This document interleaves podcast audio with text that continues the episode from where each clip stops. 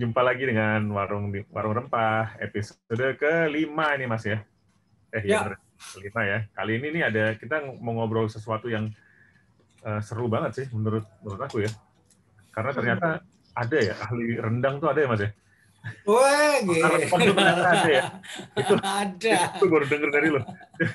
dan dan itu karena kebetulan kebetulan aku seneng banget makan rendang asli benar-benar seneng benar-benar seneng. Hmm. Jadi kalau istriku masak rendang atau mertua aku masak rendang tuh biasanya ngabisin aku sendiri tuh gitu ya. Itu langsung bisa dikenali kali kan, Mas Bram ya? Iya, oke. Okay. Ini jadi kita mau ngobrolin sekarang tentang makanan yang di apa ya dinobatkan sebagai makanan terenak di dunia nih. Ya, oh iya benar-benar. Ah, ah, kan. Jadi uh, dan rasanya kok tidak berlebihan gitu ya untuk itu karena memang karena emang enak banget, enak banget. Gue udah gue tuh tinggal gue tuh kelahiran Jakarta lama di Sumatera. 14 tahun gue gede di Sumatera terus baru balik ke Jakarta lagi hmm. gitu. Jadi uh, cukup cukup dekat dengan dengan dengan rendang ini gitu loh ya. Karena teman-teman gue orang Minang banyak gitu. Hmm. dari kan gue dulu tinggal di Sumatera Utara di Riau kemudian di, di sempat di Sumatera Selatan. Jadi teman-teman itu banyak. Dan rendang itu beda-beda gitu ya. Dan waktu hmm. beberapa tahun yang lalu dapat kesempatan apa ke Bukit Tinggi. Mm. terus apa sampai ke Payakumbuh gitu ngerasain rendang yang berbedanya tuh perbedaannya tuh banyak banget sebetulnya gitu. Nah ini teman gue ini apa namanya uh, Reno Andam ini anak desain Trisakti. Temannya bini gue nih Mas oh, nah dia tuh dia apa penulis buku rendang travel terus terus punya bisnis uh, rendang juga. Ya pokoknya anulah pokoknya chef chef gede itu malah nanyanya ke dia ini sekarang ini. Hmm. uh, uh, jadi pengetahuannya tentang rendang itu dahsyat. Nah nah ini awalnya mungkin nanya dulu nih ke mbak Reno ya. Kenapa mbak Wah, kenapa? Iya. Kenapa? Kenapa, kenapa ya? Kenapa ya? Kenapa rendang menjadi ini ya? Jadi Mbak Reno tertarik dengan urusan rendang ini nih? Iya, kenapa ya? Coba dipikirkan dulu gitu. Waktu dipikirkan dulu sebelum menjawab. Kayaknya itu pertanyaan jebakan atau pertanyaan sungguh-sungguh gitu. nanya, nanya beneran sih ini. Ya beneran, Mbak. Itu tertarik ya kalau gitu loh. Kenapa gitu? Beliau sampai bikin buku travel rendang gitu pasti ada ketertarikan dulu nih sama si ininya ya si. Iya, jadi uh, apa ya? Kan awalnya sebetulnya adalah punya usaha bikin rendang gitu, oh. usaha bikin rendang. Hmm, tahun 2004 gitu 2004 hmm. mulainya 2004 habis itu uh, mulai banyak yang uh, habis itu mulai uh, mulai banyak media yang menyoroti bahwa rendang ini makanan nomor satu gitu yeah. di, di, di, di sekitar tahun itulah 2009 2011 gitu kalau nggak salah hmm. mendekati mendekati CNN itu uh, kelompok uh, kelompokku jadi ada kita punya milis nama Jalan Sutra itu ngadain namanya Battle of Rendang kita punya ada beberapa membernya itu punya usaha rendang gitu. Nah, Pak Bondan almarhum tuh bilang, eh kita kita ini yuk kita ngumpul pada bawa rendang masing-masing gitu. Udah dari situ ngumpul dan kelihatan bahwa rendangnya itu karakternya beda-beda. Jadi ada teman yang misalnya dari Batu Sangkar eh, karakter rendangnya beda. Aku dari Pekumbu lain lagi rendangnya. Gitu. Nah, terus mikir bahwa uh, namanya waktu itu battle of rendang gitu. Pikir kenapa harus di battle ya gitu kan? Uh, sebetulnya ini kan sebuah kekayaan yang harusnya justru dihimpun, jangan dipertandingkan gitu, jangan diperlombakan. Gitu. Jadi uh, mulailah uh, mikir, oh kalau ini dibikin menjadi buku pasti menarik nih gitu. Ditambah lagi uh, banyak orang-orang yang kemudian heran bahwa uh, kok oh, ada ya rendang uh, udang gitu, karena aku senangnya rendang udang gitu masaknya gitu. Uh, pengetahuan mereka bahwa rendang itu adalah sama dengan daging Ya. gitu. Jadi oh bisa ya rendang udang, oh bisa ya rendang uh, vegetarian, oh bisa ya rendang ini gitu. Jadi aku berpikir bahwa uh, apa namanya sesuatu yang ada di rumah gitu kalau di sharing ke keluar rumah gitu pengetahuan ini mungkin bisa menambah menambah wawasan teman-teman gitu bahwa merendang bahwa rendang itu tuh bisa macam-macam gitu gitu itu awal mulanya akhirnya memutuskan untuk ayo bikin buku lah gitu. bikin buku soal rendang Gitu. gitu nah, sekarang sekarang pengen pengen tahu nih apa uh, rendang itu apa ya? Apa sih rendang kata itu itu kata kata kata itu mengacu pada sebuah proses atau mengacu hmm. pada sebuah jenis apa namanya ingredients tertentu? Apa asal dari da, kota ya gua nggak tahu ya apa ada kota rendang iya. punya makan punya nama itu gitu. Kan juga ada iya. kan ya soto Lamongan soto Bandung benar benar benar benar nah, benar benar. dari dari situ dulu deh. Rendang tuh ya. apa sih sebetulnya?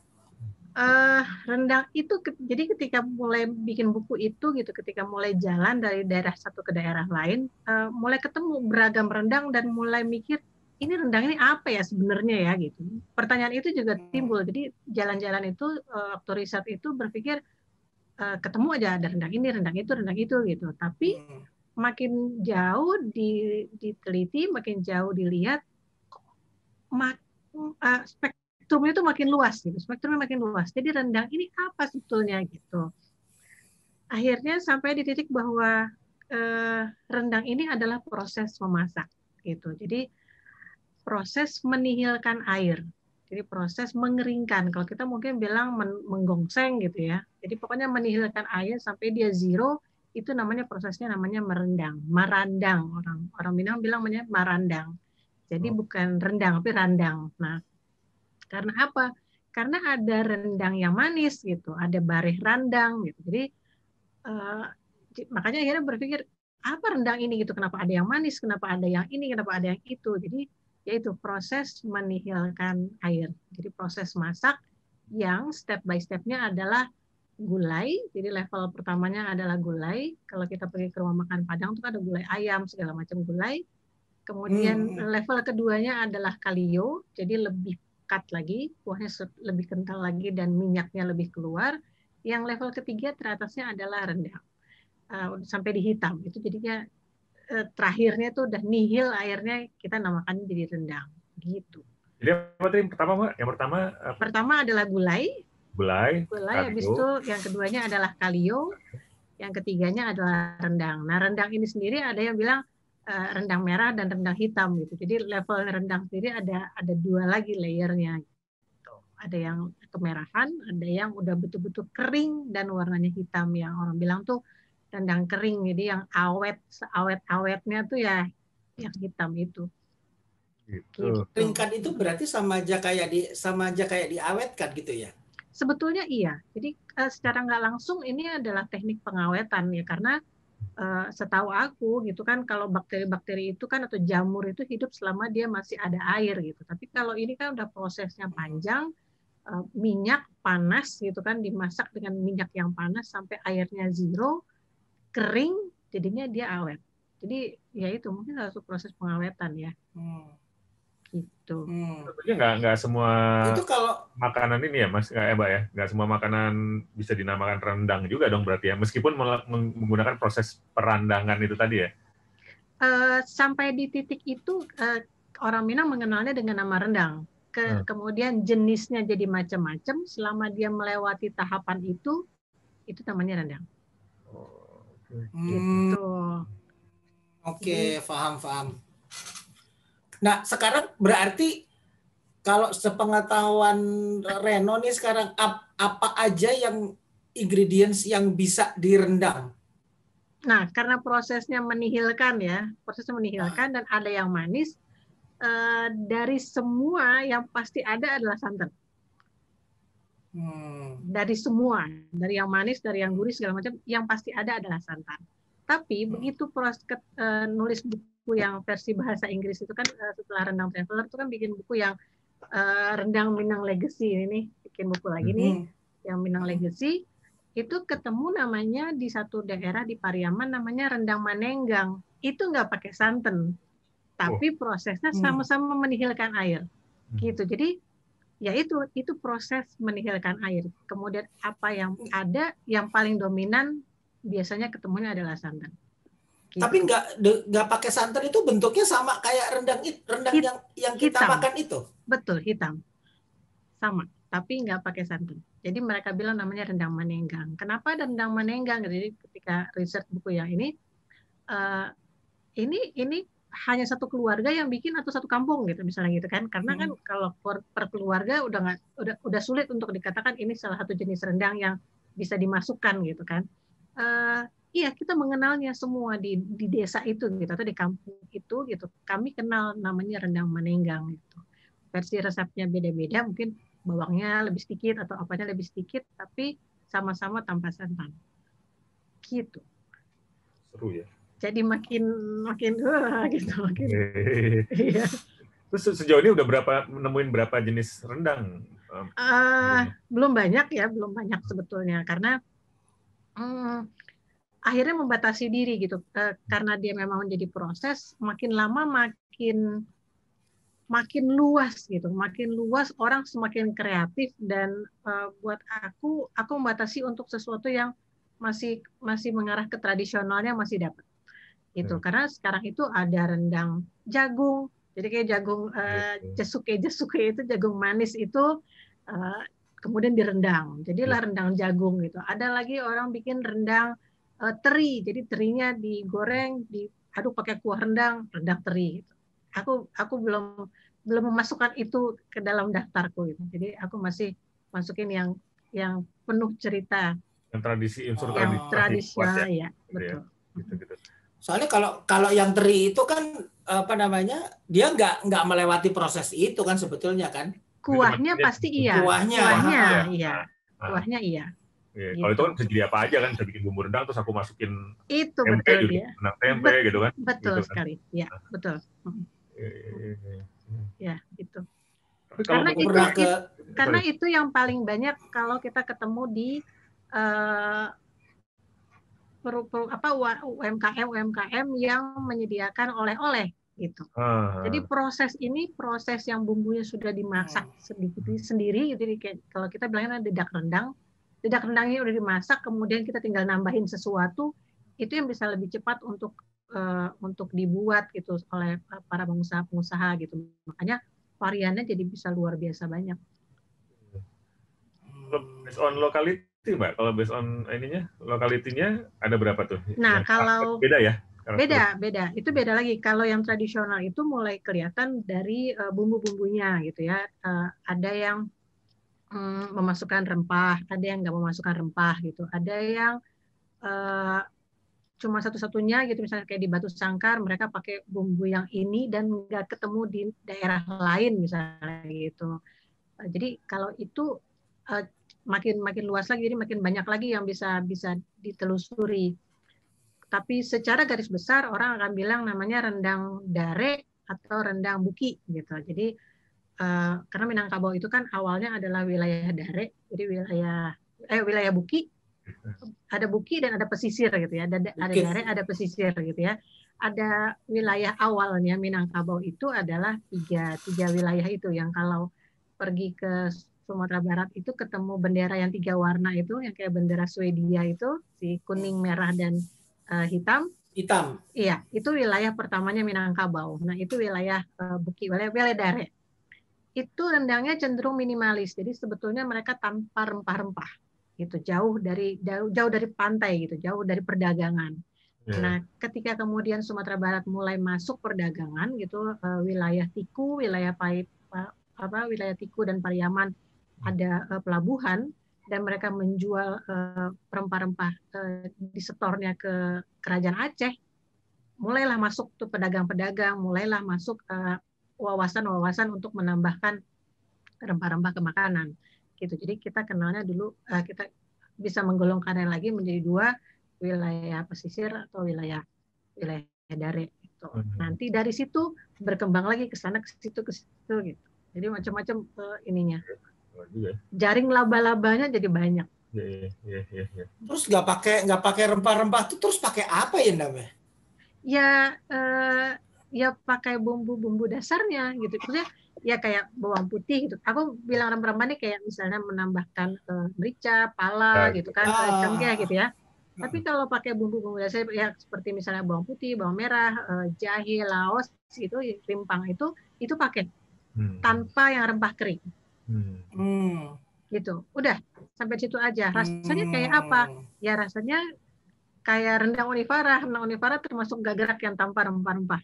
gitu. Jadi karena wilayahku hmm. adalah wilayah uh, dare, gitu. Jadi nggak nggak pakai rempah-rempah, gitu. Tapi kalau kita pergi ke daerah uh, Pariaman, gitu, kita pergi ke daerah pesisir, kita akan ketemu rendang yang uh, ada lebih kuat, ada aroma rempahnya, ada lebih kuat lah uh, ininya, lebih hmm. lebih tajam gitu uh, ininya, gitu. Kan kan sering dibilangin tuh ada ada sekian malah sekarang tuh uh, dengar dari Gordon Ramsay kemarin itu 200-an lah hmm. jenisnya hmm. rendang dan lain sebagainya. Itu uh, oke okay, gua uh, aku nggak mau terlibat di dalam kontroversi tentang jumlah gitu ya, tapi kalau kalau dalam dalam fakta di masyarakatnya itu apa aja sih yang bisa direndang selain daging kerbau itu? Kan aslinya kerbau ya? Iya. Bukan bukan ya, dulu, bukan dulu sapi ya. ya. Betul. Uh, ya paling enggak uh, yang mereka memanfaatkan apa yang ada di sekitar itu dulu ya. Jadi uh, mm-hmm. apa yang ada di pekarangan, di mana bumi dipijak, di situ langit dijunjung. Jadi mm. orang pesisir akan beda lagi uh, rendangnya, orang di daerah akan beda lagi rendangnya. Terus uh, seperti misalnya kalau di bukuku tuh rendang uh, orang di pesisir, orang Pariaman itu uh, mengenalnya ada rendang lokan gitu, rendang dari kerang kerangnya kerang muara gitu. Kalau misalnya di Bukit Tinggi atau di uh, ya di Bukit Tinggi itu kenalnya justru bukan rendang daging, kenalnya rendang itik gitu. Jadi hmm. uh, kalau mau diurutin aku nggak nyampe 200 ya gitu. Maksudnya kalau mau diurutin uh, ya pilihan-pilihan itu banyak ya. Daging, ikan, ayam, itik, telur, uh, udang, uh, banyak. Itu lumayan banyak. Ada puluhan lah sayur Ditambah, pun bisa sayur atau oh, buah iya, pun bisa. Betul betul betul. Jadi di Sumatera Barat itu ada rendang eh, di Batu Sangkar itu ada rendang yang menggunakan eh, puluhan jenis daun.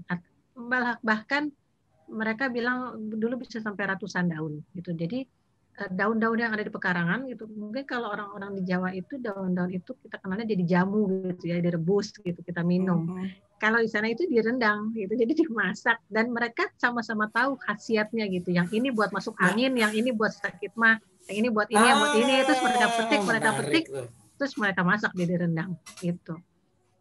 Nggak hancur itu ya enggak enggak enggak hancur tentunya enggak sampai kering hitam ya mm -hmm. uh, tapi sampai hitam sih enggak enggak hancur karena juga cukup banyak gitu jenisnya bisa satu satu pohon atau tanaman itu bisa lumayan banyak mereka ambil mereka kumpulin jadi jadi sekeranjang juga dan itu masuk ke kuali besar gitu.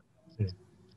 Gitu. Hmm. Kalau, kalau ini mbak, eh, kalau dari sejarahnya nih, hmm. Dano, ada nggak ada ada sejarahnya nggak sejarah apa gitu bisa gitu kan? Sejarah hmm. tanya rendang apa gimana itu? Iya, itu masih masih apa namanya masih ditelusuri jadi masih debatable gitu karena Hmm, yang pertama ada yang bilang bahwa rendang ini asalnya dari Portugis gitu ya, dari Portugis ya. karena uh, ada uh, teknik uh, masak Portugis gitu. Tapi aku merasa bahwa ini beda gitu, beda dari rendang gitu. Portugis itu kalau nggak salah namanya nanti aku aku cari lah ya. Ada ada ada jurnalnya gitu. Kalau nggak salah Mas Fadli Rahman yang nulis jurnalnya.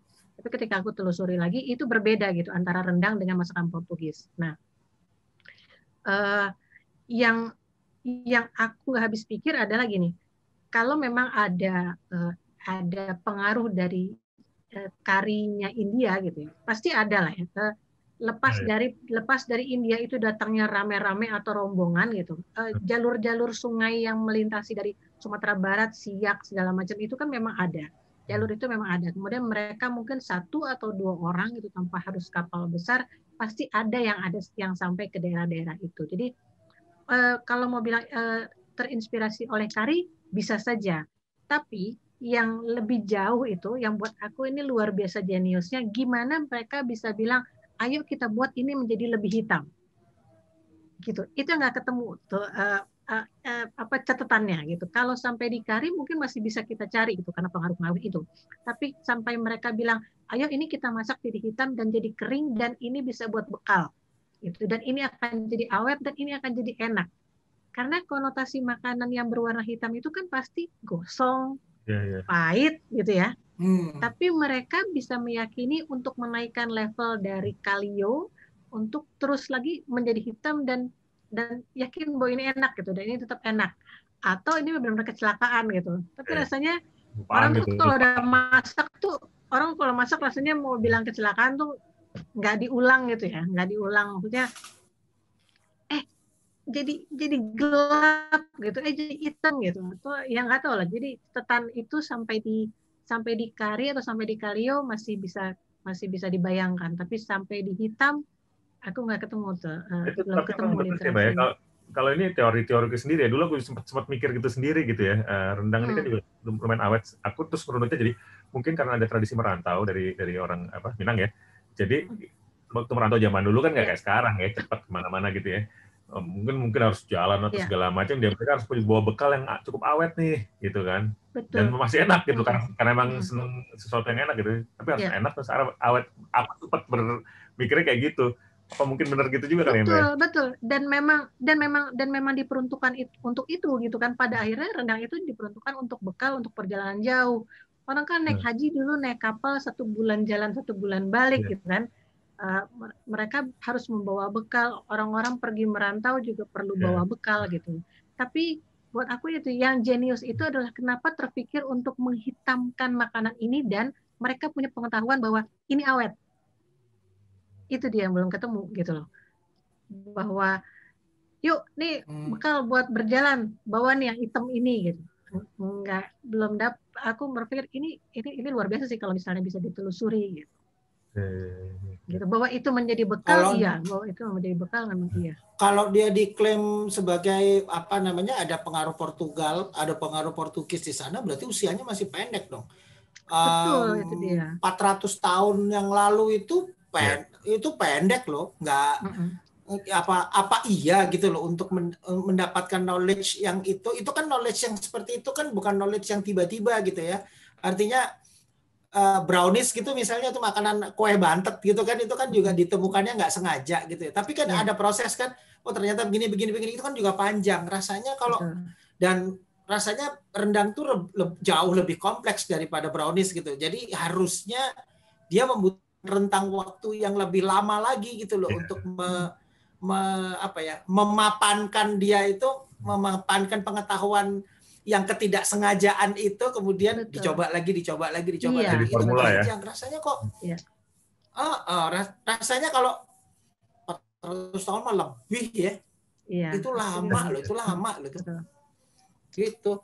Nah, uh, uh, menarik ya terkait sama sama masalah itu. Terus aku juga juga dengar gitu. Uh, orang Minang itu bilang rendang yang paling enak itu adalah rendang rendang bikinan ibunya. Hmm. Gitu. Artinya Betul. artinya rendang yang di rumah itu sebetulnya rendang yang rendang yang paling enak. Itu konsep keluarganya tuh konsep komunal itu gede banget tuh sebetulnya. Gitu ya, nak? Hmm. Iya, jadi gini, uh, kecap nomor satu kecap itu kan semua nomor satu pasti ya, gitu kan. Uh, nggak ada kecap hmm. nomor dua gitu. Jadi kalau uh, kita bikin angket gitu atau kalau kita kita bertanya sama orang-orang gitu katakan rendang yang paling enak itu rendang mana sih gitu uh, dari beberapa banyak orang yang aku tanya itu semuanya jarang yang menyebutkan nama restoran, jarang menyebutkan nama rumah makan. Mereka akan bilang e, rendang paling enak itu buatan ibuku. Entah ibuku bikin, entah ibuku beli, entah ibuku apa gitu. Tapi ibunya hmm. yang menghadirkan gitu, menghadirkan rendang itu ke, buat dia. Jadi uh, bukan hanya makanan, tapi ada sentimental perasaan gitu yeah. uh, yang menyertai proses makan gitu atau proses perkenalan seorang anak terhadap makanan ini gitu. Jadi uh, mungkin ada makan ya nak, itu nasinya hangat, nasinya itu, itu kan ada ada ada pelengkap dan ada penyerta dari sebuah proses perkenalan terhadap makanan. Nah, uh, apalagi ngomongnya ibu, artinya di saat mungkin dia masih kecil gitu bu, di saat dia ketika baru berkenalan dengan rasa-rasa gitu. Jadi uh, ya bahwa rendang yang paling enak itu adalah rendang buatan ibu. Itu rasanya memang tidak terbantahkan. Ada cintanya ibu ada perhatiannya ibu ada doanya ibu gitu. Apalagi kalau itu jadi bekal gitu. Ada ada pengharapan dari ibu untuk keberhasilan anaknya gitu. Jadi lengkap gitu. Tuh paket lengkap tuh kalau rendang buatan ibu gitu. Ada yang bilang rendang buatan bapak gitu. Lebih enak nggak ada ya Kalau bapaknya chef mungkin ya. bisa, bisa, bisa, bisa. ini, ini kebetulan istriku juga sudah masuk rendang sih. Dan, dan, dan buat aku ya iya. Karena aku orang Jawa, kebetulan dia orang Minang ya. Jadi, ya, jadi ya rendang paling enak ya buatan dia sih, so far. Mm -hmm. gitu, gitu. Karena emang ya, bener, ya mungkin anakku juga ntar akan bilang gitu. iya lah, nah. pasti gitu. Jadi mem memori ya, karena uh, memori itu kan tersimpan ya. Memori itu membentuk gitu. Kalau aku bilangnya namanya desktop rasa gitu. Jadi kalau di kelas uh, kelas masak itu tuh aku bilang namanya desktop rasa. Uh, ada anak yang ketika uh, makan itu akan selalu bilang uh, balado itu harus pakai gula gitu karena ibuku ajarnya balado pakai gula gitu. Jadi memori dia bahwa balado itu cenderung ke arah manis itu akan nempel gitu nah begitu juga dengan rendang memori dia ketika makan rendang itu akan nempel dan itu melekat gitu di di harddisknya itu melekat jadi ketika dia akhirnya makan rendang di tempat lain dipanggillah memori itu memperbandingkan gitu mana nih yang ini paket lengkap dengan kasih sayang ibu, yang ini rumah makan Padang dengan gini gini gini gitu. Mereka akhirnya memperbandingkan memori itu dengan pengalaman yang baru gitu. Jadi uh, itu ya itu itu paket lengkap sih buat aku. Berarti berarti bukunya Mbak Reno ini bahas bahas apa tuh Mbak? Yang yang tra rendang traveler tuh lebih bahas dari apa ke mana tuh Mbak? Gitu. Jadi yang rendang traveler itu ada buku perjalanan jadi menelusuri beberapa daerah di Sumatera Barat hmm. Menuliskan uh, bahan-bahannya terus menuliskan proses masaknya sama menemui mereka yang membuat rendang. Bagaimana macam-macam rendang gitu. Jadi cerita-cerita mereka cerita gimana uh, rendang lokan di Pariaman yang diambilnya di Muara yang jadi tempat tidurnya buaya misalnya gitu. Bahwa uh, kalau mau ngambil itu harus ada doa-doanya gitu. Jadi kayak ada ada nyanyian-nyanyian gitu atau ada ucapan-ucapan baik yeah. supaya mereka nggak digigit buaya gitu. Jadi cerita-cerita kayak gitulah, cerita di balik di balik perjalanan sebuah rendang di satu daerah. Gitu. Kita punya coba. Ya,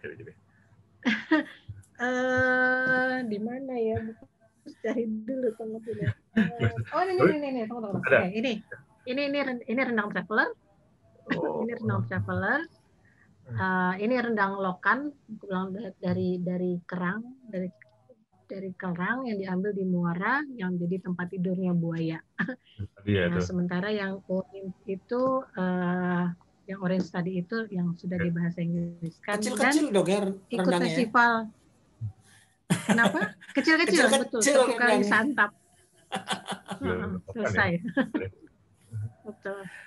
Gitu. Eh Jadi, itu aku ya aku aku lihat aku tadi dengar proses ya proses proses dari gulai jadi kalio kalio jadi jadi rendang itu kan proses ada ada proses. Nah sering juga dengar bahwa orang masak rendang itu sampai 12 jam semalaman dari uh dari so, dari sore ketemu siang katakanlah kayak gitu. Itu masak berat biasanya tukang ngaduk tuh mas aku. Takut. Eh, makanya eh, ya.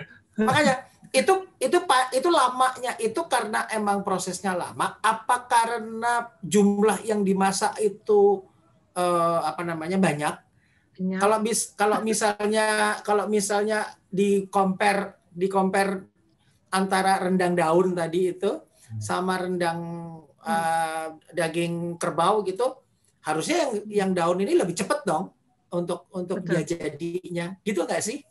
Hmm. Betul, betul, betul. Jadi tergantung apa yang mau kita rendang pastinya. Tapi balik lagi, ya paling orang itu kan sebetulnya adalah rendang daging. Yang hmm. prosesnya panjang itu setahu aku adalah rendang itik sama rendang daging. Karena apa? Biasanya 12 jam itu mereka menghentikan prosesnya di tengah. Gitu. Jadi orang Minang itu biasanya masak rendangnya dua hari. Ya, ya, gitu. Jadi mereka masak sampai jadi kalio, terus mereka hentikan, mungkin mereka istirahat gitu. Jadi nggak dihabiskan oh. waktu sekian jam oh. untuk yeah. masak gitu kan. Mereka bisa melakukan yang lain. Nah, kemudian melanjutkannya lagi keesokan harinya. Tapi di sisi uh, dari teknik masak sebetulnya itu namanya proses resting. Artinya yeah. uh, membuat si si bumbu-bumbu itu jadi lebih meresap ke daging dalam semalam gitu. itu tuh mas Hmm. apa uh, prosesnya Jadi, sampai uh, kalio dengan catatan pas jadi kalio survive tuh mas makanannya itu suka nggak survive itu udah Iya, itu dia. Itu betul. jadi nggak pernah jadi Itu rendang tuh. betul sekali. Berarti Itu- berarti, berarti ada pengalaman triknya gagal nih. adalah- Nggak, Ya udah dimakan duluan mas itu jadi triknya kalio adalah harus dihitung. Harus dihitung berapa potong daging yang masuk tadi sama berapa potong daging yang itu kan bikin itu. berapa kilo gitu kan kalio aja udah setengah kilo udah hilang apa setengah Udah hilang bener. Bener. Berarti itu kalau kalau Iya. yang di Jawa, yang di Jawa itu yang yang yang sekarang orang-orang Jawa bikin rendang itu kan cenderungnya masih coklat ya. Berarti itu sebetulnya masih belum Betul. belum Masih selesai, dikari, masih, di belum selesai gitu belum ya. selesai. betul. Oke. Tapi oke, udah oke. enak. Enak Iya, iya. tapi ya mas dipikir-pikir ya mas Bram ya Tapi udah enak, udah layak santap. Iya. orang Nusantara tuh emang ini ya dulu iseng-iseng gitu ya, dalam artian masakannya coba perhatian deh rendang ya masaknya berjam-jam gudeg kalau di Jogja ya itu kan juga mak nggak Lama. ya Lama. lama juga terus udah prosesnya jelimet gitu kayak rawon lah Jawa Timur gitu kan itu juga menurut, Hmm. menurut gua kan agak tiba-tiba jadi emang apa ya mungkin ada yang bilang orang-orang yang dengan dengan budaya agraris itu emang punya kecenderungan punya waktu luang lebih lama untuk untuk mengolah sesuatu gitu loh maksudnya untuk untuk ini ya untuk inovasi sesuatu gitu yang yang sifatnya ke kesenian mau Hmm. masakan budayaan lah intinya gitu gitu mas ya Kayaknya. Benar.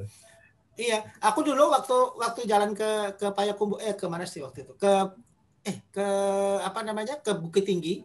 Terus kemudian alah kok lupa gue yang ke Harau, ke Lembah Harau tuh mana sih? Ketemu sama Andam waktu itu di di pasar itu. Ah, kok gue lupa sih namanya. Nah, itu malam-malam kan kita makan Di kita makan Payakumbuh kita ketemu Paya- kan. di Payakumbuh. Ah, ah, ah, betul Iya. betul.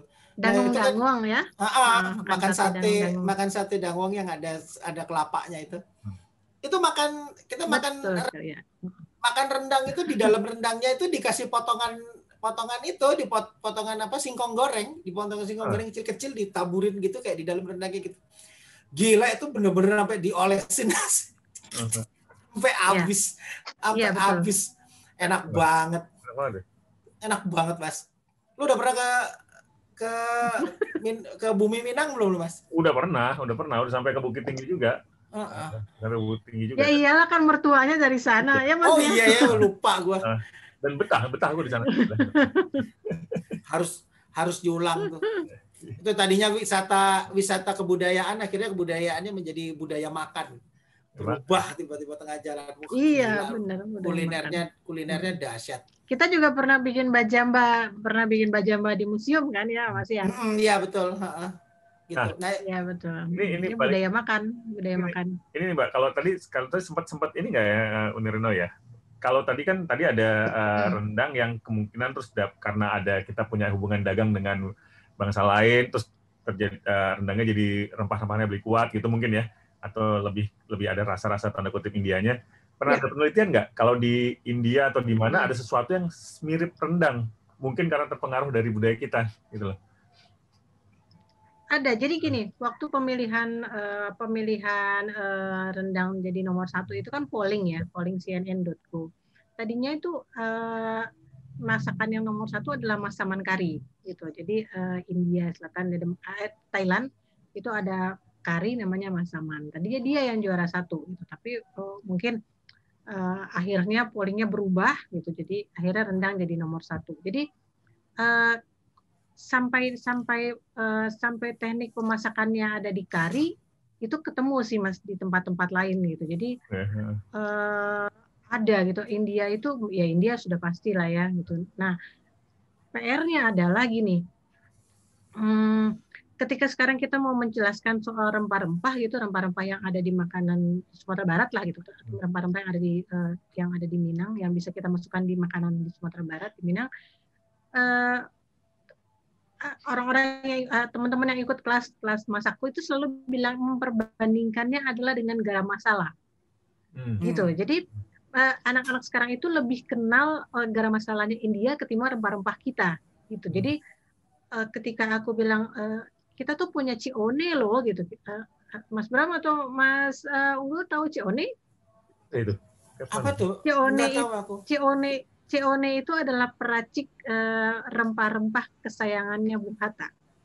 Jadi oh. dia itu adalah juru masaknya istana, kira-kira gitu lah ya. Jadi ketika uh, ada dapur umum di Bukit Tinggi waktu itu, huh? uh, Ceone ini adalah adalah pemasak untuk uh, dapur umum, kemudian mereka dia pindah ke Jakarta dan dia jadi salah satu uh, kokinya kokinya istana, ya? istana lah kira-kira oh. gitu hmm. peraciknya. Hmm. Nah sekarang bumbunya itu masih ada diteruskan oleh anak cucunya, tapi karena keterbatasan gitu, karena keterbatasan media gitu atau kata keterbatasan eh, bagaimana mereka berjualan, akhirnya eh, ya kayak gini anak-anak sekarang itu lebih paham eh, garam masalah dengan dengan isi yang ini ini ini ini rempah ini ini ketimbang apa yang kita ketahui uh, dengan dengan bangganya kita bilang cengkeh apa segala macam gitu.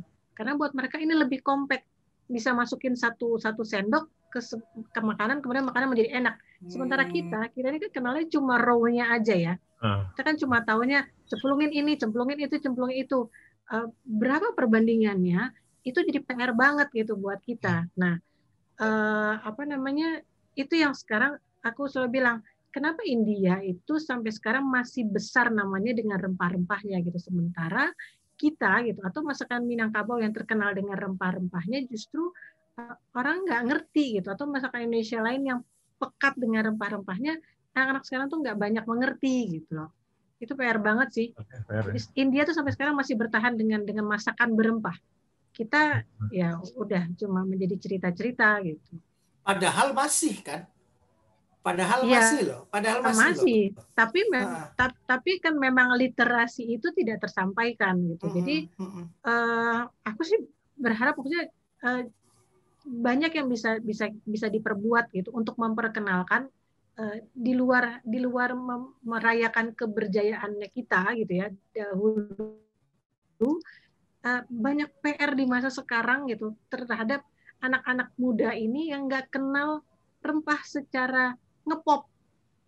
Hmm, ya. Jadi kan kalau kalau sekarang kan diperkenalkan dengan ngepop gitu kan, oh, masak uh, Hmm. Coba berapa di zaman pandemi ini berapa restoran biryani UKM yang tiba-tiba muncul?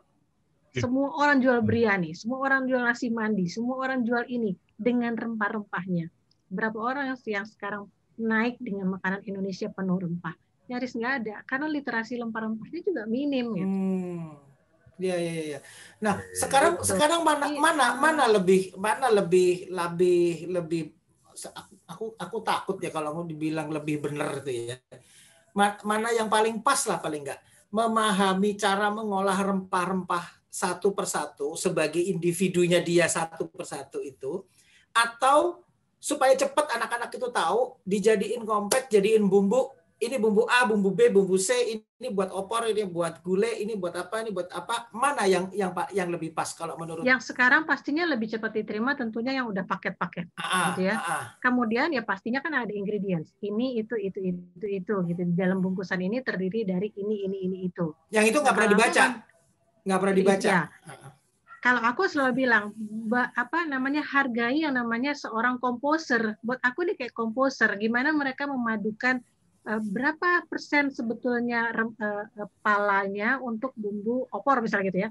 Berapa persen pala bumbu opor berapa persen pala uh, uh, ketumbar untuk bumbu opor berapa persen ini? Meracik itu kan perlu keahlian mm. gitu. Racikan si A dan racikan si B itu kan pasti beda-beda. Mm. ini aku bilang namanya komposer gitu. Gimana mereka memadukan menjadi sebuah harmonis dan ini enak untuk opor gitu. Dan ini enak untuk gulai kambing dan ini enak untuk rendang gitu. Itu itu keahlian yang harusnya dihargai dan itu yang harusnya bisa diceritakan gitu. Hmm. Gitu. Jadi uh, maksudnya kalau kayak aku balik lagi kalau aku di kelas masak itu dalam dalam seminggu gitu ya dalam durasi waktu tertentu tuh aku akan cerita cerita uh, rempahnya, cerita sejarah sejarah kapan rempah ada di makanan Sumatera Barat, siapa aja peraciknya gitu atau gini deh kita pergi ke pasar Cipete kita pergi ke tukang bumbu, kita bilang mau bikin gulai kambing, mereka kasih tempah. Atau gini, satu lagi, kalau kita bikin soto Padang, kita bikin soto Padang, kita dikasih satu bungkusan mas. Kalau di di di, di Padang satu bungkusan isinya rempah-rempah, rempah ini ada minyaknya, ada itunya, ada itunya itu. Hmm. Terus kalau kita lihat di YouTube, itu cara bikinnya, itu satu bungkusan itu dimasukin ke kuah ke kuah kaldu dan mereka nggak tahu itu isinya apa. Pokoknya mereka tinggal bilang bahwa ini beli di tukang bumbu, tinggal masukin dan rasanya enak. Apa isi bumbunya? Kemudian eh, ketika orang-orang yang Indonesia diaspora Indonesia yang ada di luar negeri mau masak hmm. yang nggak bisa mendapatkan bungkusan ini hmm. mereka kan harus berpikir apa isinya supaya gue juga bisa masak soto padang seperti yang ada di sana hmm. gitu Iya. gitu membedah itu gitu membreakdown uh, bungkusan itu aja tuh perlu perlu perlu perlu perlu trik gitu perlu perlu pendekatan perlu ini perlu itu gitu jadi PR kita sebetulnya nih Mas. Jadi bukan ngomong rendang lagi. PR kita sebenarnya adalah banyak itu memperkenalkan ini jangankan ke anak muda, ke diaspora, ke orang-orang yeah. Indonesia yang ada di luar negeri tentang rempah-rempah aja itu rasanya minim sekali. Karena yeah, pengetahuannya yeah. memang nggak nyampe. Kita kita di sini ngobrol tapi orang di luar orang Indonesia di luar mungkin nggak nyampe gitu ya. Itu iya, kayak iya. Aku bikin kelas soto Padang terus mereka bilang terus apa ini minyak ini apa? minyak ini namanya minyak harum harum harum manis. Harum manis itu apa? Harum manis itu adalah ini. Mencari tahu ininya itu loh. Nggak semua juga peracik rempah mau memberitahukan apa itu komposisi si minyak ini gitu kan. Tapi itu PR kita gitu. Karena kalau nggak nggak akan nggak nambah-nambah gitu pengetahuan rempah ke anak muda gitu ke orang-orang. Duta besar makanan Indonesia sebetulnya adalah diaspora. Ya setuju. Yeah. Itu yang nggak dilakukan lagi. Setuju banget. Dan sebetulnya gimana mereka menjadi duta besar kalau kalau mereka nggak dibekali pengetahuan itu? Iya, dan sebetulnya juga uh, paling gampang untuk membuat makanan Indonesia itu apa namanya laku gitu ya atau inter apa ter uh, penetrasinya itu juga kuat di luar negeri ya diasporanya sebetulnya yang bekerja. Kenapa Betul. kenapa makanan makanan apa Cina ada di mana-mana karena Cina ada di mana-mana kan. Jadi hmm. jadi memang memang asalnya dari dari dari sana dan kita itu yang memang kurang dipertimbangkan gitu ya sama oleh kita. Kita pikir kita jualan batik ke luar negeri itu akan dibeli sama orang barat. Oh ya pasti tidak kan kedinginan mereka di sana kalau pakai batik orang kita yang pakai batik yang ada di sana gitu sebetulnya yang mengenalkan. Itu sama juga dengan ya, juga dengan betul. makanan. Ya. Lidah mereka kan bukan di situ ya. Gitu. Betul.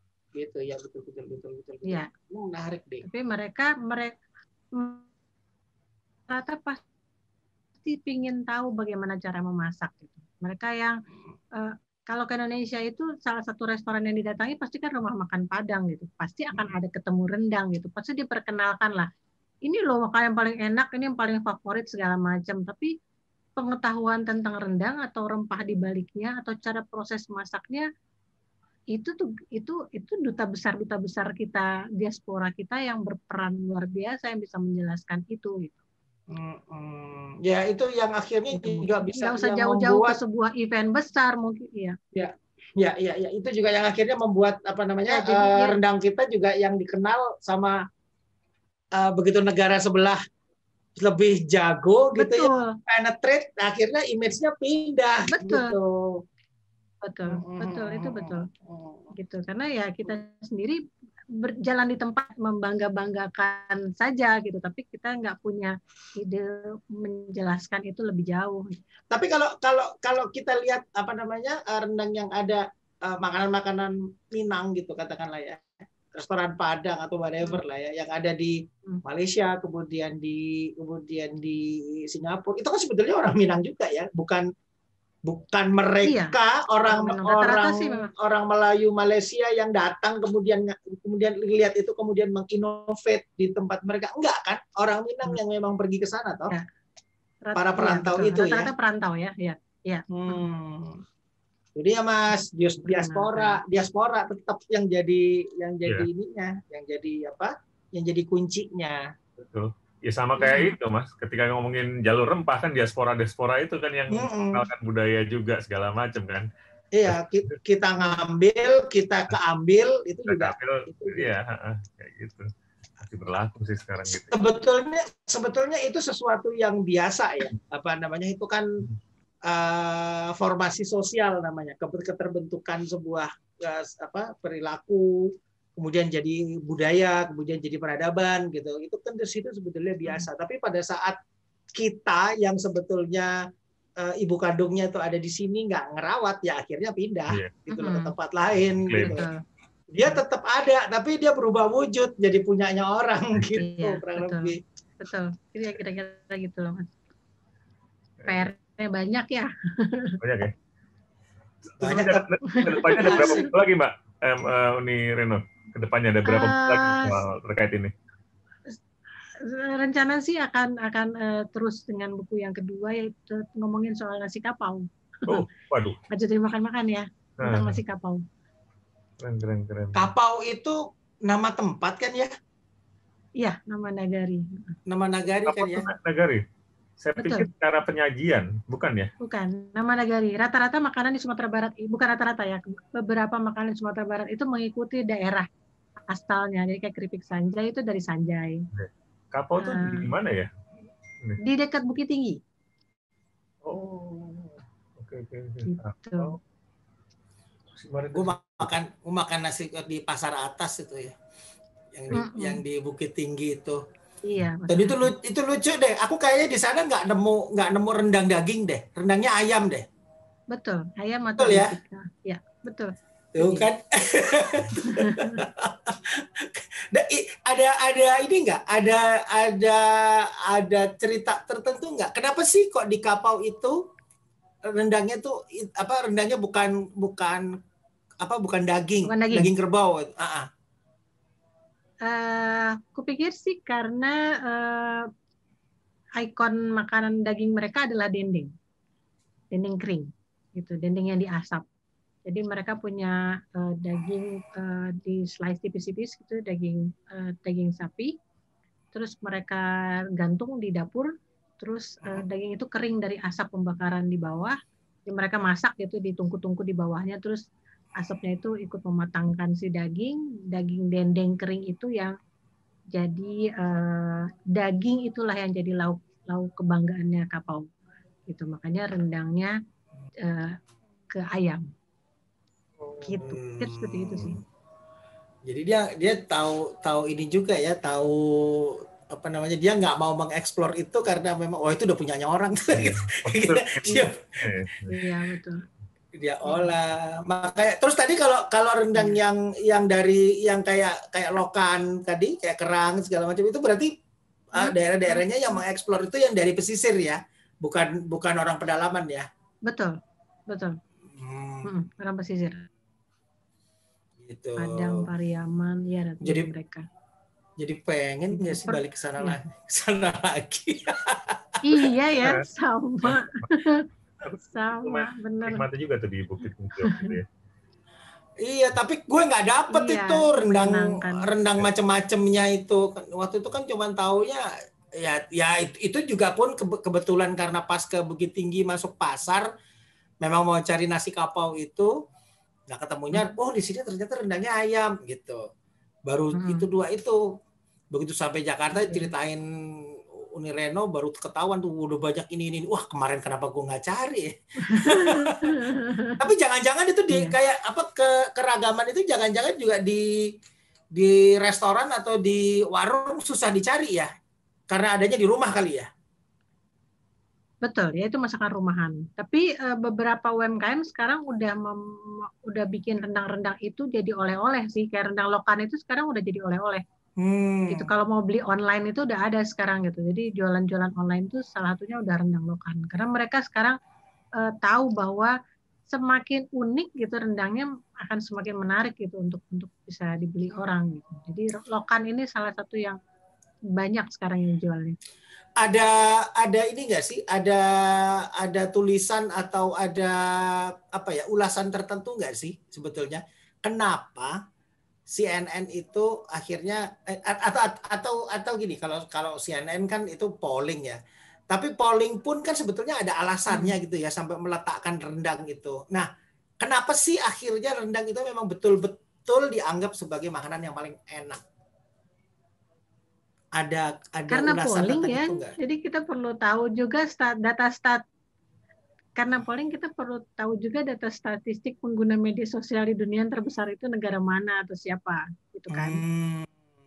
gitu. Jadi Indonesia ada di urutan keberapa nih gitu sebagai pengguna media sosial gitu. Kalau nggak salah pollingnya itu. Jadi ya pastinya banyak orang Indonesia yang ikut polling gitu. Jadi mereka lebih lebih tinggi gitu. Uh, itu berarti angkanya, gitu berarti Jadi, memang memang harus memang harus harus diimbangin ya pada saat pada saat polling itu keluar ditentuk di diputuskan dimenangkan oleh Indonesia rendang bla bla bla. Kemudian itu harus sebetulnya harus diikuti dengan sebuah apa ya ulasan lah minimal. Ulasan atau tulisan tentang kenapa kok rendang itu enak? Kenapa kok begini? Jadi jadi nggak cuma semata-mata pollingnya menang waktu gitu, itu ya. iya. Waktu itu waktu itu dibuka dibuat kok mas. Eh, media-media waktu itu menuliskan banyak panjang lebar tentang itu gitu.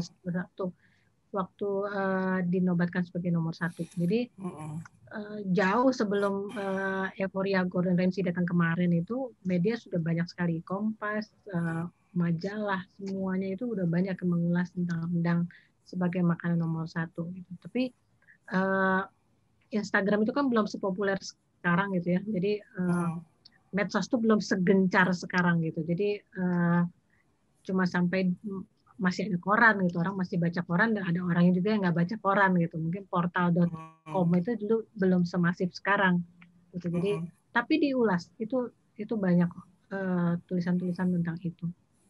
Hmm. Oke mas ya, kayaknya ini ya uh, satu kalau nggak salah tahun ini malah nggak masuk rendang oh, oh ya oh. yang menang siapa ini apa dia tuh dia eh, turun tahu, tapi turun atau gimana dia turun dia turun dia turun. Jadi nomor satu tuh uh, mana ya? Nanti aku cari deh. Kalau nggak salah nggak ada lagi, karena nggak masuk. Oh. Hmm. Oke, berarti gitu. berarti memang memang kekuatan sosmed itu ya. Oke, Mas Bram ini uh, bintangnya kayaknya lapar saya. Nah, apa, okay. uh, apa terakhir terakhir nih terakhir terakhir kalau apa uh, sebelum ditutup nih sebelum tutup soal bukunya Uni Reno nih. Hmm. Kalau misalnya ada yang tertarik nih, Uni Reno bisa didapat di mana sekarang? Hmm. Apa udah habis, udah sold out? Di aku, karena udah nggak ada di toko buku. Itu buku uh, buku buku itu buku ambigu gitu ya karena buku traveling tapi ngomonginnya rendang jadi mau ditaruh di buku masakan nggak ada resepnya gitu jadi Gramedia dulu sempat bingung mau hmm. ditaruh di traveling tapi namanya rendang gitu jadi akhirnya bingung gitu uh, jadi apa namanya masih tinggal beberapa sih di aku nggak dan nggak naik cetak lagi. Oke. Okay. kalau ada yang mau beli ya. Kalau yang oranye? Gitu. Yang oranye tadi? Yang apa? Yang, yang bahasa Inggris? Itu yang orange yang bahasa Inggris uh, bisa juga via aku, maksudnya kalau mau bertanda tangan tanda tangan bisa via aku, yep. tapi kalau okay. mau langsung ke toko buku itu ada di Peri Plus. Oh, karena berbahasa Inggris buku ya, jadi ada di Peri Plus. Inggris ya. Mungkin ada ada apa akun IG yang bisa di follow orang-orang kalau misalnya ada lah. Kenapa? Siapa tahu ada Instagram. Ada orang pengen pengen gitu, ah, ngubunginnya ke gimana nih ngubungin Uni Reno ya? Ada oh, Instagram ke, ke IG aja ya, ke, huh? Ke IG Reno Andam Suri. Reno Andam Suri. Okay. Reno Andam Suri. Iya, siap. Oke, terima kasih ya Uni Reno udah mau ngobrol-ngobrol soal iya. rendangnya nih. Terima kasih Mas Unggul, terima kasih Mas Bram. Mudah-mudahan rendang saya bertambah nih saya bisa nyombong dikit sama istri saya nih lo nggak tahu kan sejarah ininya iya betul betul, betul betul jadi kita kalau, jadi kalau, habis kalau ini ngaduk itu di rumah jadi saya habis ini anu nih cari rendang nih ya udah nyari rendang Apa? nyari rendang dan, dan bikin rendang